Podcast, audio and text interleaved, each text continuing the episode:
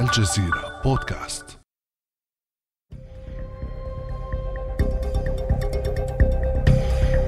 ندعو بريطانيا وفي الذكرى المئوية لهذا الوعد المشؤوم.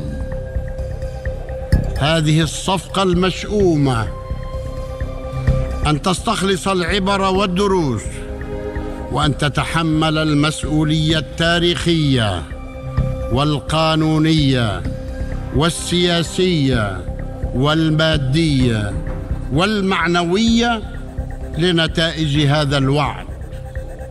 بما في ذلك بما في ذلك الاعتذار من الشعب الفلسطيني لما حل به من نكبات ومآس وظلم. وتصحيح هذه الكارثة التاريخية ومعالجة نتائجها على الأقل بالاعتراف بالدولة الفلسطينية. هذا ما هو مطلوب من بريطانيا بعد هذا الذي ارتكبته بحق الشعب الفلسطيني.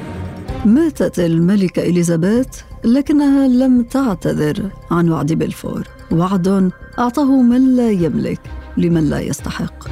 وعد أسس لقيام إسرائيل ونكبة الشعب الفلسطيني المستمرة حتى الآن. بريطانيا التي صاغت قصة المعاناة الفلسطينية لم تعتذر. واليوم تأتي رئيسة الوزراء البريطانية ليستراس لتفتخر بأنها صهيونية كبيرة. احتفالية لأصدقاء إسرائيل المحافظين قائلة إنها تدرس نقل سفارة بلادها إلى القدس. أنا سعيدة جدا كوني هنا لأول مرة في فعالية لأصدقاء إسرائيل المحافظين بصفة رئيسة الوزراء. كما تعلمون جميعا أنني صهيونية كبيرة ومن أشد الداعمين لإسرائيل. أثق في أننا سنجعل العلاقات البريطانية الإسرائيلية من قوية إلى أقوى. على الطرف الآخر في الداخل البريطاني مظاهرات لا تتوقف. مظاهرات تجمع بريطانيين وعرب في العاصمة لندن دعما لفلسطين وتنظم عادة بعد كل عدوان يشنه الاحتلال على غزة والضفة والقدس. وفيما تبدي الأحزاب البريطانية معارضتها لتصريحات ليستراس حول نقل السفارة للقدس تستغل الأخير الحدث كدعاية انتخابية كما يرى المتابعون. فما الذي تغير؟ حتى تعلن رئيسة الوزراء البريطانية عزمها نقل السفارة إلى القدس ولماذا في هذا التوقيت بالذات؟ وهل تستطيع تراس أن تخالف التوجه العام البريطاني المعارض لنقل السفارة إلى القدس؟ وما انعكاسات هذا القرار إن تم على القضية الفلسطينية؟ قصة نقل السفارة في حلقة جديدة من بودكاست الجزيرة بعد أمس أقدمها أنا أمال العريسي مع ضيفي الأستاذ فراس أبو هلال الكاتب والمتخصص في العلاقات الفلسطينية الأوروبية من لندن. أهلا وسهلا بك أستاذ فراس. أهلا بكم أهلا وسهلا. بداية أستاذ فراس لو نقدم لمحة معلوماتية للمستمعين عن رئيسة الوزراء البريطانية الحالية ليستراس كيف بزغ نجمها السياسي كزعيمة لحزب المحافظين وما هي توجهاتها؟ أعتقد بأن بزوغ نجمها في رئاسة الحزب جاءت كنتيجة لتقلبات آه، هذا الحزب والأزمة التي يعيشها منذ الخروج من الاتحاد الأوروبي قبل ذلك كانت آه، قد حاولت دخول عالم السياسة في عام 2000 ثم في عام 2005 ولكنها فشلت في الحصول على مقعد في البرلمان لم تنجح في تلك الانتخابات. في عام 2010 نجحت لأن رئيس الوزراء البريطاني في ذلك الوقت أو رئيس الحزب كان حتى ذلك الوقت هو آه، ديفيد كاميرون وضعها فيما يسمى بالمقاعد الآمنة التي يفوز بها عادة المحافظون ففازت في تلك الانتخابات. ثم بدأت تتدرج بعد دخولها للبرلمان يعني منذ عام 2010 في مناصب حكومية وزيرة عدل نائبة وزير الخزانة ثم في الفترة الأخيرة قبل حصولها على رئاسة الحزب كانت وزيرة الخارجية في حكومة بوريس جونسون الأخيرة. فهذه تقريبا هي قصة دخولها إلى عالم السياسة ووصولها إلى رئاسة الحزب ثم رئاسة الحكومة. أستاذ فراس وكان لافتا بمجرد وصولها إلى رئاسة وزراء بريطانيا إصرارها على إعطاء الاحتلال الإسرائيلي اعترافات إضافية ألا يعتبر ذلك مجازفة خطيرة؟ تتعارض مع المواثيق الدولية وتقدم عليها رئيسة وزراء بريطانيا بنفسها؟ بالتأكيد هي مخالفة للقوانين الدولية لأن دول العالم باستثناء جميعها باستثناء الولايات المتحدة وثلاث دول هامشية أخرى كلها تقر بأن السفارات يجب أن تكون في تل أبيب إلى حين التوصل إلى اتفاق بين الفلسطينيين وبين الاحتلال على وضع مدينة القدس بحيث تصبح عاصمة للطرفين. هذا هو القانون الدولي الذي حتى كثير من الفلسطينيين لا يقبله ولكن إذا تحدثنا بالقانون الدولي فهي مخالفة له. لماذا قامت بذلك في هذا التوقيت؟ أعتقد بأنها كانت بحاجة لأن تضمن نجاحها في الانتخابات على قيادة الحزب ولذلك هي أرسلت هذه الرسالة للأصدقاء إسرائيل المحافظين وهي مجموعة ضغط داخل الحزب. كما يرسل المرشحون عادة لكل مجموعات الضغط أثناء الانتخابات فهي كانت رسالة من ضمن الرسائل التي أرسلتها إلى مجموعات أخرى. بحيث تضمن يعني الحصول على تأييد هذه المجموعة في التصويت لرئاسة الحزب. أنا أعتقد أن هذا هو المحرك الوحيد ولكنها بدون شك مجازفة ومخالفة ستؤثر على وضع بريطانيا في سياق الصراع العربي الإسرائيلي. وما موقف الأحزاب في بريطانيا من هذا التوجه الذي أعلنته ليستراس؟ الأحزاب الثلاثة المعارضة الرئيسية كلها عارضت آه، هذا التوجه. صحيح أن صوتها ليس مرتفعا يعني القضية ليست قضية ملحة لنقل في النقاش السياسي البريطاني اليوم بسبب الأوضاع الاقتصادية وبسبب التركيز على شؤون داخلية. ومع ذلك حزب المعارضة الرئيسي اللي هو العمال أعلن معارضته لهذا التوجه على الرغم من أن رئيسه الآن يعني لديه توجهات آه، داعمة لإسرائيل بشكل كبير. أيضا حزب الديمقراطيين الأحرار وهو ثاني حزب من حيث الحجم في المعارضة أو ثالث حزب عفوا. وأيضا الحزب الوطني الإسكتلندي عارض هذه الخطوة. لذلك أعتقد بأن ليز تراس ومن يؤيدها داخل حزب المحافظين هم وحدهم في إطار الحياة الحزبية التي تؤيد هذا القرار إضافة إلى معارضة خط واسع من المؤثرين في بريطانيا على آه، مثل مثلا رؤساء الكنائس سواء الإنجيلية أو الكاثوليكية وغيرهم من الفاعلين في المجال السياسي البريطاني. وبرأيك هل السياسة الخارجية التقليدية البريطانية من الوارد أن تدعم مثل هذا التوجه؟ السياسة الخارجية التقليدية البريطانية هي ضد هذا التوجه. لا نعرف ماذا سيحدث أثناء المراجعة الآن ولكن هي بكل تأكيد ضد هذا التوجه. والدليل على ذلك أن تيريزا ماي والتي هي أيضا داعمة كبيرة لإسرائيل. كان لها تعليق قوي عندما قرر ترامب نقل سفارة بلاده إلى القدس. كانت رافضة لهذا القرار وبالتأكيد هي لم تكن رافضة يعني من تلقاء نفسها ولكن عادة يرجع رؤساء الوزراء إلى وزارة الخارجية والمستشارين الذين يعملون مع الإدارات المختلفة. أيضا لوحظ أن أمير ويليام ذهب لزيارة فلسطين بعد هذه الخطوة الأمريكية وأعتقد أنها كانت رسالة في ذلك الوقت. وعادة الزيارات الملكية لا تتم إلا بعد استشارة الحكومة. ولذلك أعتقد بأن السياسة الخارجية التقليدية ضد هذا التوجه ما يسمى بالمؤسسة في بريطانيا الإستابليشمنت هي أيضا ضد هذا التوجه. ولكن لا ندري بالضبط ماذا سينتج عن المراجعات حاليا. في ظل هذه المعارضة من قبل الأحزاب الرئيسية في بريطانيا وكذلك هذا التوجه الذي ترفضه المؤسسة كما ذكرت في بريطانيا هل تستطيع في النهاية ليستراس برأيك أن تخالف كل هذا التوجه العام الرافض لإمكانية اتخاذ مثل هكذا قرار خاصة وأنه بإمكانها أن يؤثر حتى على مستقبلها السياسي وهي الواصلة حديثا إلى رئاسة الوزراء؟ أنا أعتقد أن هناك مسارين لهذا الأمر. المسار الأول هو المسار القانوني. هل تستطيع أن تقوم بذلك؟ الجواب نعم لأنها هي في النهاية من تقرر وهي من تحكم. هي تستشير الخارجية وال ما يسمى بال civil servants في بريطانيا تستشيرهم ولكن في النهاية هي صاحبة القرار. ولديها غالبية كبيرة طبعا في البرلمان. المسار الآخر ماذا ستفعل؟ المنطق يقول بأنها يفترض ألا تخالف هذا التوجه العام في بريطانيا لأنه سياسة بريطانيا كما هو معلوم تحترم الأعراف التقليدية الموجودة بشكل عام يعني أكثر من الولايات المتحدة الأمريكية. رئيس الوزراء يحكم بدون شك الوزراء يحكمون ولكنهم دائما يرجعون للمستشارين آه، الدائمين الذين هم بالمناسبة يعملون في كافة الإدارات سواء كانت آه، محافظين أو عمال. فبالتالي أنا أعتقد أنه من الصعب عليها أن تتخذ هذا القرار.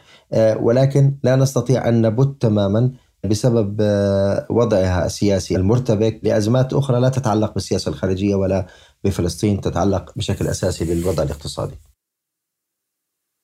بمعنى آخر أستاذ فراس أن من يحرك ليستراس باتجاه إمكانية اتخاذ هكذا قرار؟ هم أساسا كما وصفتهم أصدقاء إسرائيل الذين لديهم نفوذ على إمكانية اتخاذ قرار نقل السفارة إلى القدس. حزب المحافظين لديه تأييد كبير يعني مؤيدون كثر لإسرائيل. هذه المجموعة ينتمي لها يعني غالبية الوزراء لمجموعة أصدقاء إسرائيل وكثير من النواب. ولكن كما ذكرت يبقى هنا النقاش أو الصراع لنقل بتحفظ استخدم كلمة الصراع بين رغبات هؤلاء النواب أو السياسيين الانتخابية وبين سياسة بريطانيا التقليدية. عادة بريطانيا لا تتخلى عن سياساتها التقليدية إلا إذا كان رئيس الوزراء يعني رئيس وزراء قوي جدا. أنا لا أعتقد بأن ليز تراس خصوصا إذا واجهت ضغوط من دبلوماسية عربية ومن جهات أخرى لا أعتقد بأنها ستمضي قدما بهذا القرار لكن في السياسة كل شيء وارد كما نقول دائما.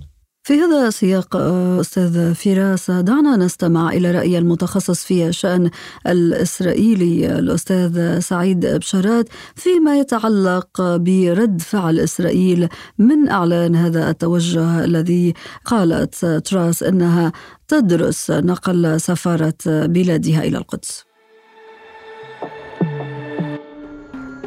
إعلان رئيسة الوزراء البريطانية عن نيتها نقل السفارة البريطانية من تل أبيب إلى القدس على أهميتها بالنسبة لإسرائيل إلا أنها داخليا لم تحظى بالاهتمام والتعاطي السياسي الكبير. لم يعمل آه، مثلا رئيس المعارضة آه، ورئيس الوزراء السابق نتنياهو على تضخيم الموضوع كما حدث عندما تم نقل السفارة الأمريكية إلى آه، القدس من تل أبيب إلى القدس.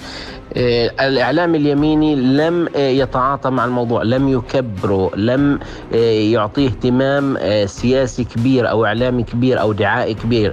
في الوقت اللي اهتم رئيس الوزراء الحالي لبيد بإعطائه أهمية غرد بشأن هذا الإعلان البريطاني. أيضا القليل من الإعلام اليساري أيضا أعطاه أهمية لأنه أصلا هو نية ولم يحدث شيء على أرض الواقع وبالتالي لم يبرز هذه المرة بشكل قوي قوي في السياسة الإسرائيلية وأيضا في الإعلام الإسرائيلي.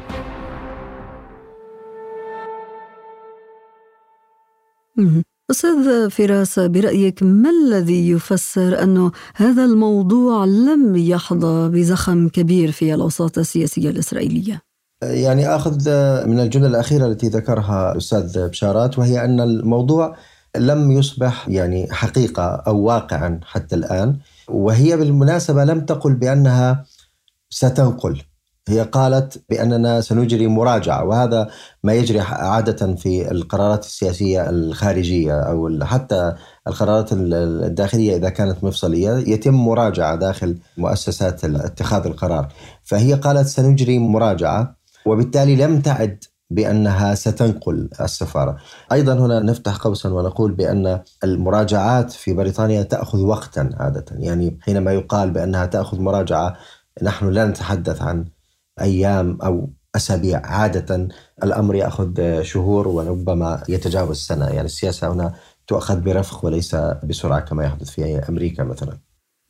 طيب أستاذ فراس إذا ما أخذنا بعين الاعتبار احتمالية انه هذه المراجعة تتوصل إلى نقل السفارة إلى القدس كيف سينعكس ذلك على الأرض الفلسطينية حيث تتصاعد المواجهة مع الاحتلال يوما بعد يوم؟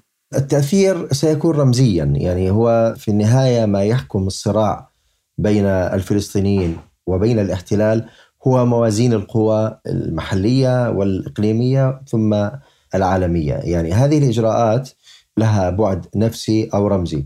لكن في الحقيقة هي لا تغير شيئا من الواقع. في النهاية اليوم القدس محتلة بالكامل. الفلسطينيون لا يحصلون على حقوقهم. يتعرضون لأذى الاحتلال وانتهاكاته بشكل يومي. مثل هذه القرارات يعني لديها بعد رمزي قد يؤثر معنويا على الفلسطينيين وأيضا يفيد السياسيين الإسرائيليين في معاركهم الانتخابية.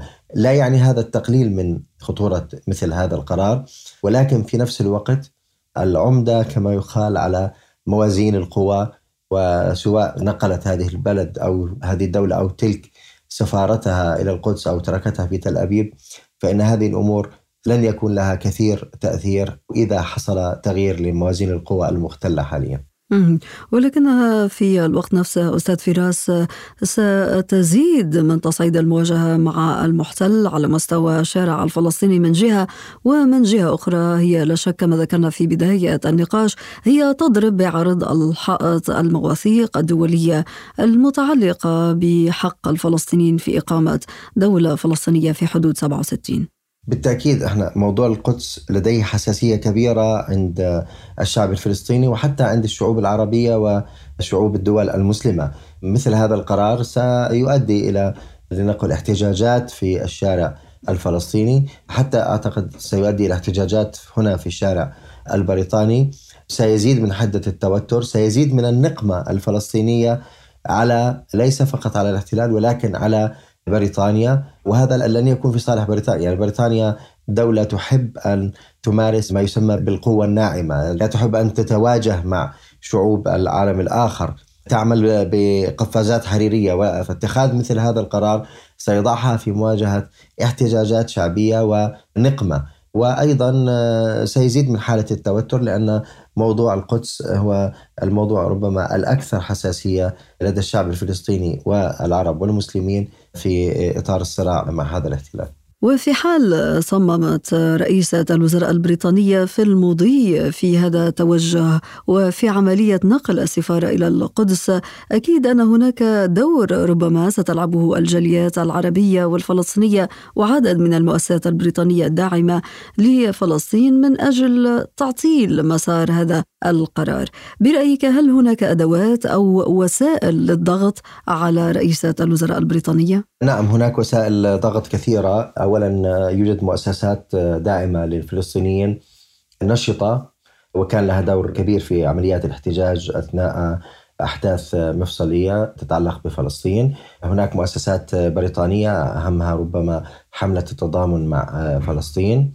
وهناك مؤسسات إسلامية وعربية وأيضا فلسطينية. وهناك نشطاء غير منظمين بمؤسسات أيضا يمارسون مثل هذا الاحتجاج. هؤلاء بالتأكيد سيكون لهم دور. أعتقد إذا القرار يعني اتخذ منحا جديا سيكون لديهم دور في الاحتجاج. هناك أيضا عوامل تأثير أخرى مثل التواصل مع نواب المنطقة. يعني كل شخص لديه احتجاج على القرار يستطيع أن يتواصل مع نائب منطقته.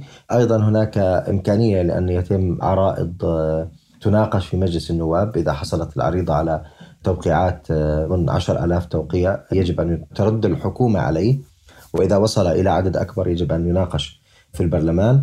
وأيضا هناك آه، دور للإعلام لبعض المؤثرين في الإعلام وأعتقد أنه حتى الآن نشرت مقالات وإن كانت قليلة ولكن جيدة في هذا الإطار. هناك مقال آه، في الجارديان ومقال آخر في الإندبندنت على الأقل. كل هذه كانت ضد القرار. أيضا يجب أن أشير إلى دور آه، السفراء والدبلوماسيين العرب. أعتقد بأنه سيلعب دورا كبيرا. قبل أيام عقد اجتماع بين السفراء العرب وبين موظفين من وزارة الخارجية. وكما قالت صحيفة الجارديان كان آه، كل السفراء بما فيهم سفراء الدول التي وقعت اتفاقيات أبراهام التطبيعية كانت كلها ضد هذا التوجه. وأخبرت آه، ممثلي وزارة الخارجية بأن القرار سيكون له آثار سلبية على دور بريطانيا في المنطقة. أنا أعتقد أن مثل هذا الصوت الدبلوماسي سيكون له تأثير على قرار الخارجية ورئيسة الوزراء خصوصا إذا علمنا بأن هناك الآن مفاوضات لتوقيع اتفاقية التجارة الحرة بين بريطانيا وبين مجلس التعاون الخليجي وهي اتفاقية بالغة الأهمية لبريطانيا لأن بريطانيا بعد خروجها من الاتحاد الأوروبي بحاجة ماسة إلى مثل هذه الاتفاقيات. هذه الاتفاقية إذا شعرت بريطانيا مثلا بأن مثل هذا القرار سيؤثر عليها بالتأكيد لن تتخذه. يعني هذا أمر محسوم ولكن هذا يحتاج لأن تسمع الخارجية ورئيسة الوزراء كلاما جادا من الدبلوماسيين العرب والخليجيين تحديدا حول هذا الأمر. وربما هذا الأمر قد يضع رئيسة الوزراء البريطانية في مأزق حقيقي بالنظر إلى الوضعية الاقتصادية الحالية التي تمر بها بريطانيا في ظل أزمة الطاقة أيضا المستعجله في أوروبا. تماما تماما الموضوع الاقتصادي الآن هو الموضوع الأكثر ضغطا وبعد خروج بريطانيا من الاتحاد الأوروبي أصبحت بحاجة لاتفاقيات تجارية ثنائية وهي حريصة جدا على الاتفاقية مع مجلس التعاون الخليجي وبالمناسبة مثل هذه الاتفاقية يجب أن توقع من كافة الدول في مجلس التعاون الخليجي. وبالتالي إذا شعرت بريطانيا بأن مثل آه هذا القرار سيؤثر حتى على دولة واحدة في مجلس التعاون الخليجي فإنها ستكون حريصة جدا على أن لا تتخذ مثل هذا القرار. وهذا أعتقد أمر آه مهم جدا. ويبقى كل شيء وارد في السياسة كما قلت أستاذ فراس. تماما. الأستاذ فراس أبو هلال الكاتب والمتخصص في العلاقات الفلسطينية الأوروبية من لندن شكرا جزيلا لك. شكرا شكرا سيدتي شكرا. كان هذا بعد أمس.